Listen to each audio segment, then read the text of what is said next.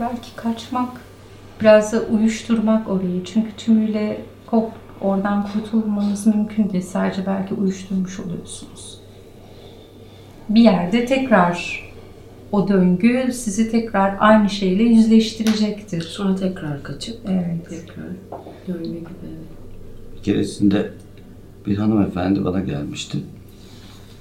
Kendisine bayağı şiddet gösteren biriyle beraberdi ve uzun zamandır. Alkol de alan bir beyefendi. Ve hanımefendi de böyle gayet entelektüel, son derece iyi bir işi olan, çok hoş bir hanımefendiydi. Yani böyle çeşitli ekonomik nedenlerle vesairelerle bu ilişkinin içine kısılıp kalmak zorunluluğu bile yoktu yani. Ama bir türlü de ayrılamıyordu. Ee, ama ayrılmak isteyen bir tarafı vardı. Bir taraftan gidemiyordu. Sonra bir şey oldu. Adam bunu pat diye aldatıverdi. Bu, bu sefer aldattığıyla pat diye yüz yüze geldi ve ayrıldı ve rahatladı. Ondan sonra e, ve sorununu çözdüğünü düşünerek ayrıldık biz. Ben düşünmedim de o düşündü yani.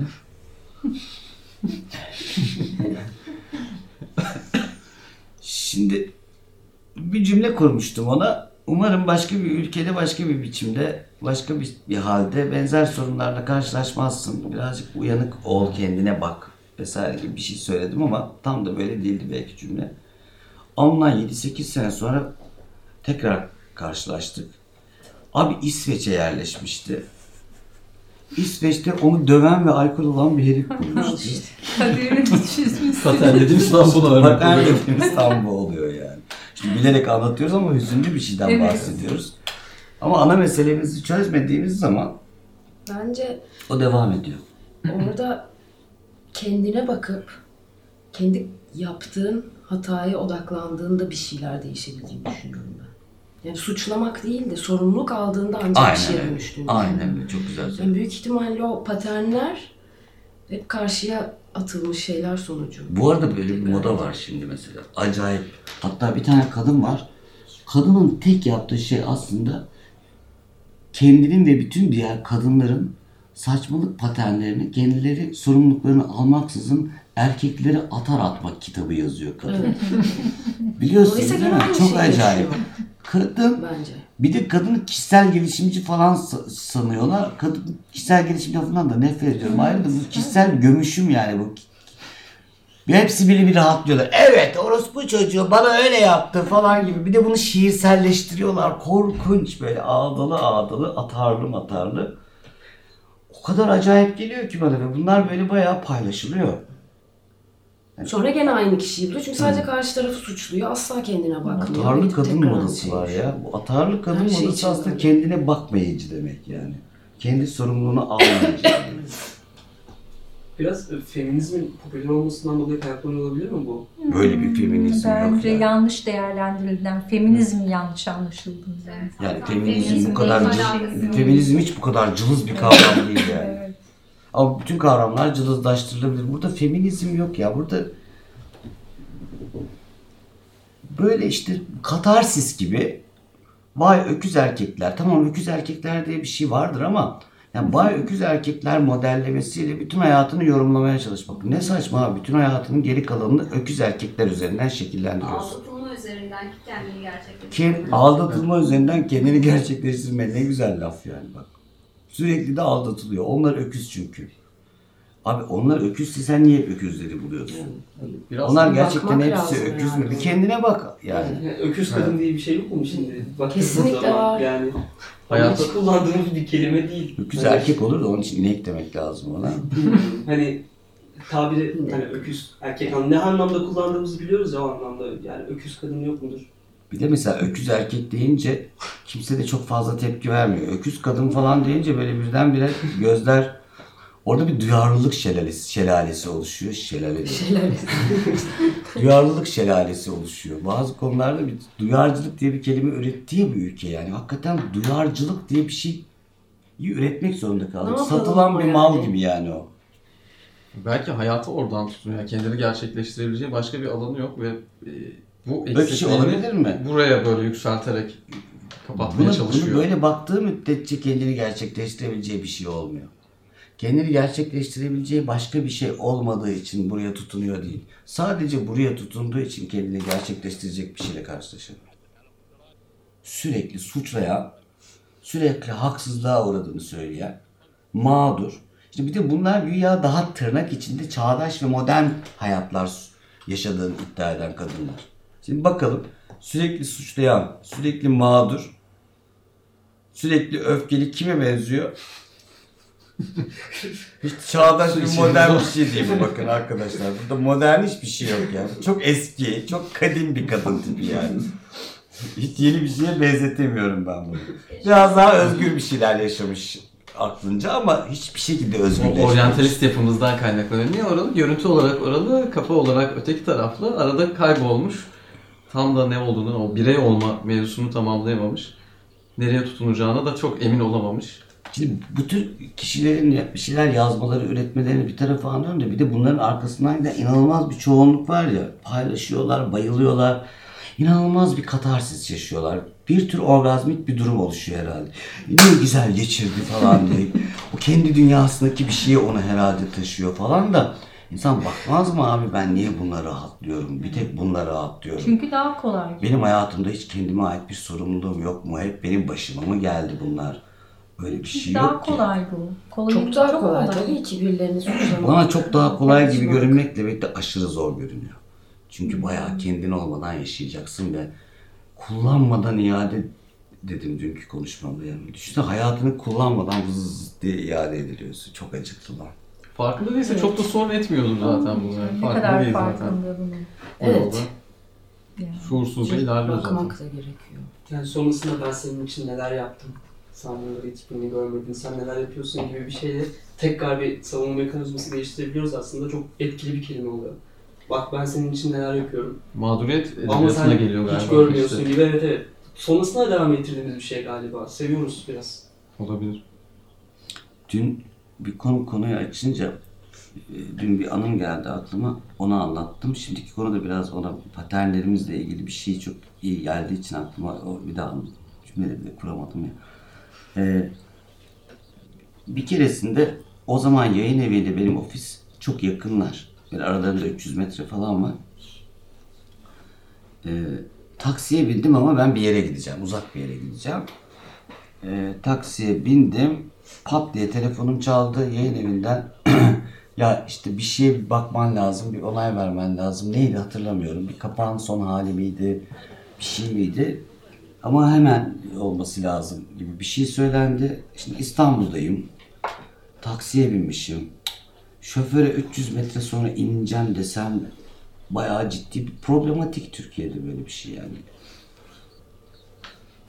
Bir kere şeyde araya gireceğim bunu. Floransa'da garda trenden indim. Kalacağım otele gideceğim. Taksiye bindim. Taksi tam 20 saniye sonra beni otelin kapısında durdu burası dedi. 20 saniye sonra. Burada indirip döverler. Sonra Yok abi. giderler. Ya dedim beyefendi niye söylemediniz olur mu dedi yani. Siz burayı için bilmişsiniz. Böyle bir şey var orada yani. 20 saniye sonra indim ya ben taksiden. Yani adam bana şurası lan demedi yani. Ama bizim burada muhtemelen böyle bir şey deneyeceği için şimdi şoföre ne diyeceğimi bilemedim. İşte insem bir türlü ya biraz fazla para mı versem bekle desem şimdi kim bilir neler söyleyecek uğraş dur. Araç gidiyor bu arada. Tadım tabii. kaçacak falan böyle var o, o arada sonra dedim ki "Ya beyefendi benim çok kısacık bir işim var. Bir, iki dakika, bir dakika, üç dakika beni bekleseniz sonra yolumuza devam etsek olur mu dedim ama böyle e, korka korka belki de. Tabii bütün bu korkular benle de ilgili. Yaşadığımız yerle ilgili de. E, bunları ben her şeye her yaşadığım böyle bakmıyorum ama sonradan bakınca bunların olduğunu görüyorsun. Hiç beklediğim gibi olmadı tabii dedi. Ne demek falan dedi yani.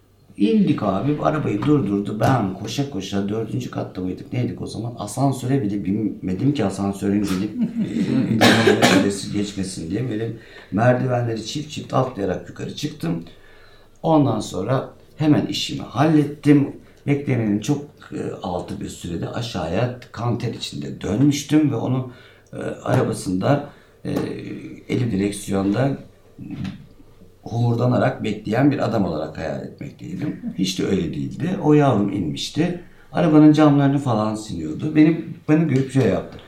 Niye bu kadar acele ettiniz dedi. Allah'ım nasıl Aa, melekle karşılaşmışsın. Ondan sonra yetmiyormuş gibi sanki özel şoförümmüş gibi sağ arka kapıyı açıp beni bindirip kapımı falan Allah. kapattı. İnanılmaz yani. Sonra da gidiyoruz. O zaman arabalar hepsi Şahin'di. Şimdi artık başka markalar var ya hep Şahin'di ya sarı Şahin. Arabanın arkasında şöyle bir şey düşünüyorum.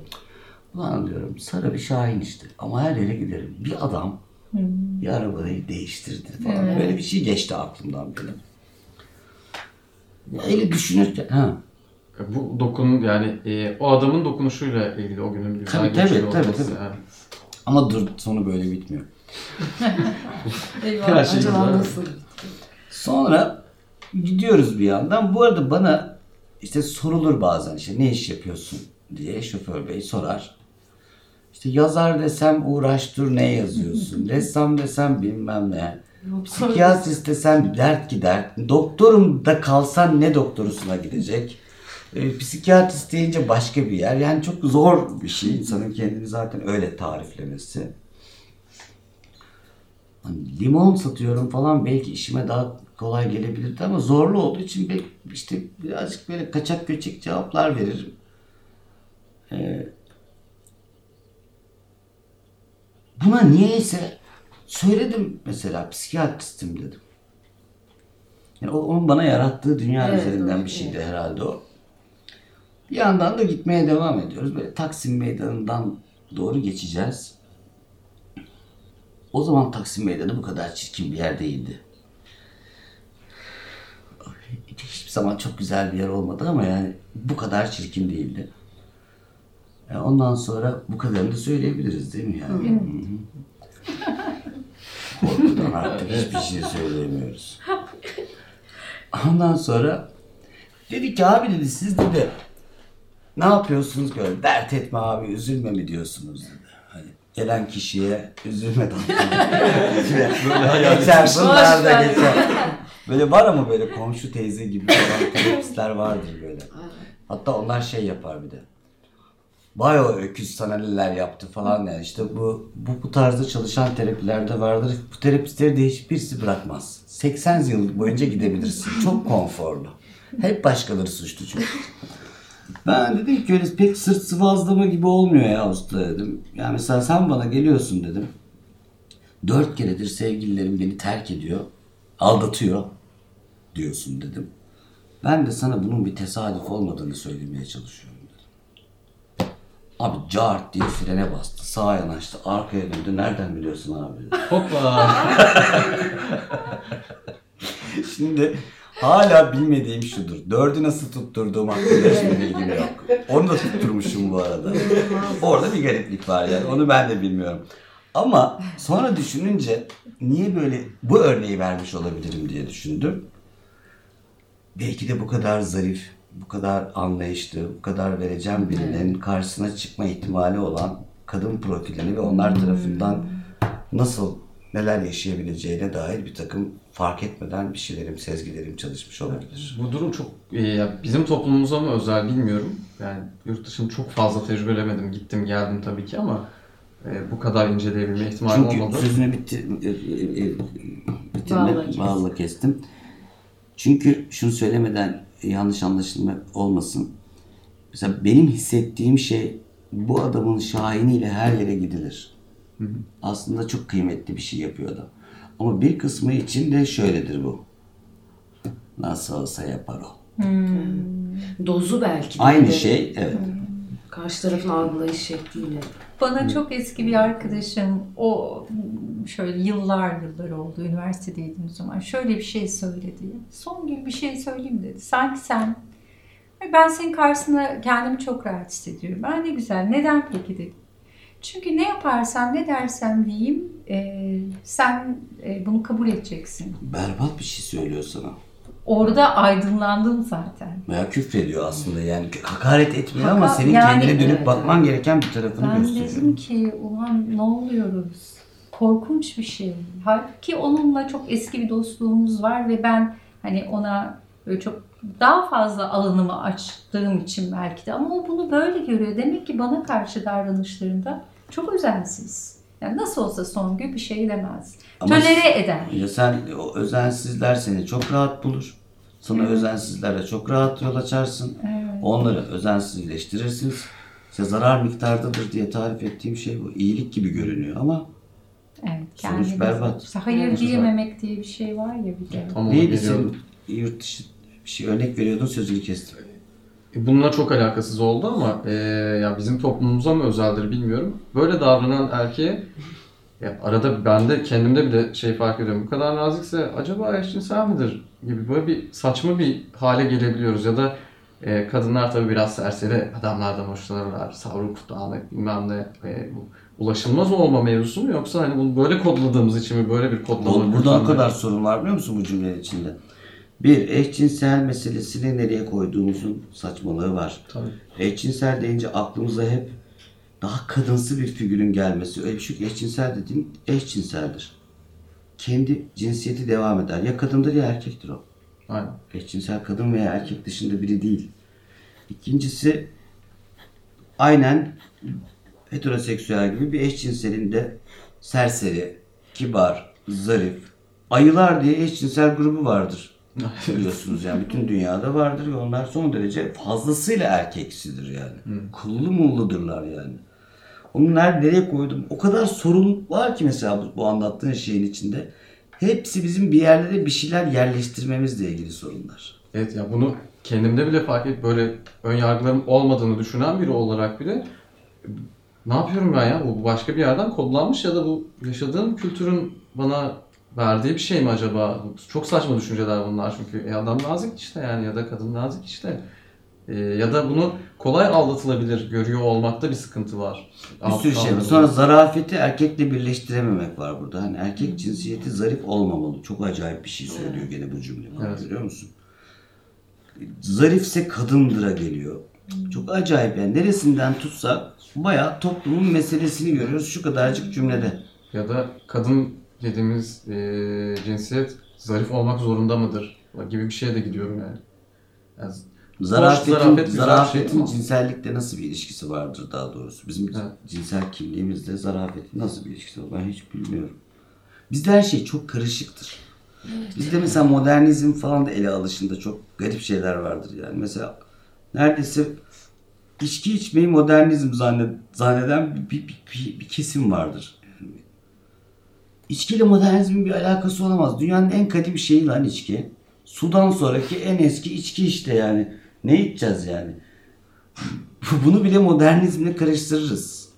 Çok gariptir bizim ülkede böyle batılı gibi görünme çabaları ba- ayrı komiktir. Batılı olmama gayretleri içindeki batılılık çok komiktir. Her yerimiz birbirine bulaşmış gibi. Çok araftayız diye düşünüyorum ben bu konuda. Genel olarak. La Araf bile bir yer be. Oraya bile Taraf olmayan bertaraf olur diye benim çok sevdiğim bir laf var. O çok araftalık dediğimiz şey. Bir, bir tarafa geçemiyoruz, öbür tarafa da geçemiyoruz. Tam geçemediğimiz için ortasında bir yerinde kalıyoruz. Bu sefer hiçbir şey adapte olamıyoruz. Dahası bir tarafa geçmemiz gerektiğini zannediyoruz. En Kafamız çok tehlikelisi o. Aslında konuşmanın başında bu e, işte bir 13 yıl ya da 15 yıl gibi bir birikimden bahsettiniz. E, bu bu da toplum içinde böyle bir şey. Onu biriktirme hali. Biz o kültür ve biriktirmeyi yaşayamıyoruz. Şey gibi yani birkaç hafta önce gittiğimiz bir toplantı vesaire bir şey bir eğitim eğitimde e, oradaki adam anlattı. Adam Türk, eşi İngiliz. Tanışıyorlar. E, şarap içmeye gidiyorlar ailesi pardon ailesiyle e, tanışmaya götürüyor kız. E, ama babası bir mahzeni var, şarap mahzeni var. Ve hani şarabı işte adap ve vesaire bir kültür bir birikimle içiyorlar. E, adam kendi açıyor. Babasına da ikram etmek için ağzına kadar dolduruyor. Hepsi kahkahalarla gülüyorlar. Ya başka bir şey aslında o modernizm ya da kültür denilen şey böyle çok kökten e, kültürle gelen bir şey galiba bana göre öyle. Niye gülüyorlar? E, adam öyle olmadığı için böyle herkese ağzına kadar doldurmuş bardaklara. E, bir de işte onu soğutmaya çalışmış, buzluğa koymuş, çıkarmış falan böyle izlemişler sonra gülmüşler. Adamı anlatmaya çalışmışlar bak öyle değil hani çok yıllanmış bir şarap böyle konulur falan gibi. Şimdi ben mesela pat diye gözümü bir yerde açsam ve bir sokakta olsam şu kadarlıkta bir alanı görsem burası kesinlikle Fransa'dır derim. Bir yerde gözümü açsam gene o kadarcık bir alanı bana gösterseler %99.9 İtalya'dır derim. Almanya'dır derim. Ki bunlar benim böyle burası gibi çok uzun yaşadığım yerlerdir. Ya Türkiye'de herhangi bir yerde benim gözümü açsalar burası Türkiye'dir diyebilme olasılığın sadece hiçbir şeye benzememesiyle ilişkili. Yani hiçbir kültürel dokuyu yani Osmanlı'dan kalan mesele dışında, Selçuklu'dan kalan mesele dışında o alanda öyle bir şey yoksa ve şu son yüzyıl içinde ürettiğimiz herhangi bir şeye bakıp Bu kesin bizim de. burası Türkiye'dir kesin deme şansın yok. Fas'ta dersin. Evet. İspanya'da hemen dersin. Renkleri bellidir, bilmem nesi bellidir. Böyle acayip bir yer burası yani. Çok acayip. Evet. Adamın yönetmenin ismini hatırlamıyorum belki sen daha iyi biliyorsundur bu. A Separation diye bir filmle şey almıştı yabancı Oscar. Ha, çok seviyorum adamın filmlerini. Ama filmleri izlerken e, bayağı işte e, Türkiye'de herhangi bir şehrimizde çekmiş gibi hissediyorum. Orası İran aslında. Hani ona da benziyor. Ama bir sokak ya da işte başka bir yerden bir görüntü görüyorum. Bu sefer daha İtalya'ya da benziyormuş ya diyebiliyorum. Başka bir yere de gidebiliyorum. E, bu güzel tarafı da var aslında. E, senin anlattığın o daha Şimdi geniş ama olma. abicim bak bir keresinde e, bir köyde bir ev yaptırmıştım. E, artık e, yayın evi yedi oraya ama çok güzel bir taş evdi. E, şimdi oradaki bir ustamız yapmıştı. Mustafa Usta. Mustafa Usta ilkokul mezunu bile olmayan bir adamdı. Hatta Mehmet Güler Yüz beni o köye taşımıştı o zaman. Hatta o kadar güzel evler yaptı ki bize o, Mustafa Usta. Şöyle anlatayım size yani. Taş ev bu ve beton hiç yok. Ve her taş tek tek elle işleniyor yani. Böyle bam bam böyle bir şey yapıyor adam.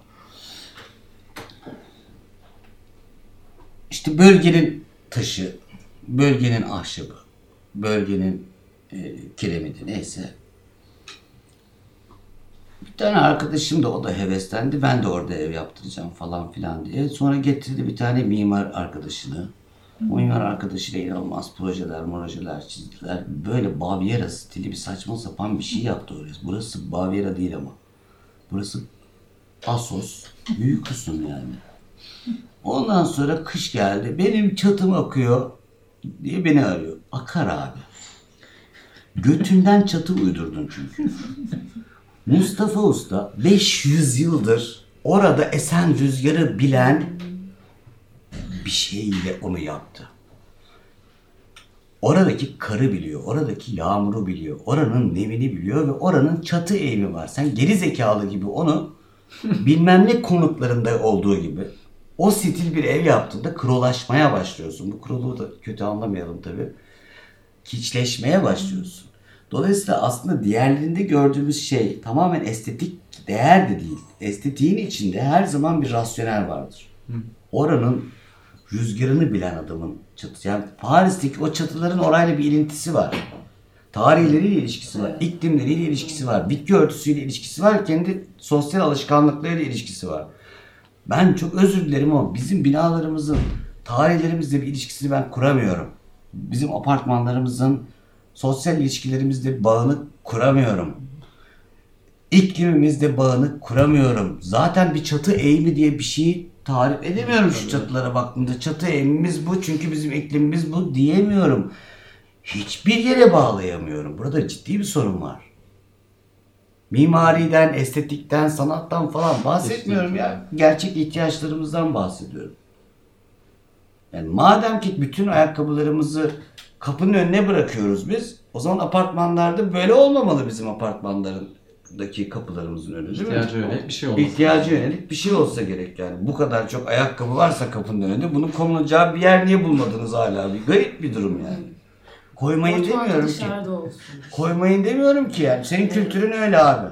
Hatta çorapları da dışarıda çıkarıyoruz. 500 yıldır. Anlarım ben bunu. Çorapların da asıldığı bir yer olur orada o zaman. Üstelik o sofistike olmuştur artık. O kadar güzel çoraplıklar gördüm ki dersin. E demem lazım benim 500 yıldır bunu yapıyorsam ayakkabılığımızın bizim şık olmasını birazcık bekleme hakkına sahip olmam lazım benim. Madem böyleyiz. Çok acayip değil mi? Bu bir ihtiyaç ve bu ihtiyaç bizi sofistike bir yere nasıl oluyor da itmiyor yani. Çok garip. Yaşamaya çalışıyor herkes sadece çünkü işte. Hayatta kalmaya. Bir ara verelim mi ya? Burası Survivor. Bay bay.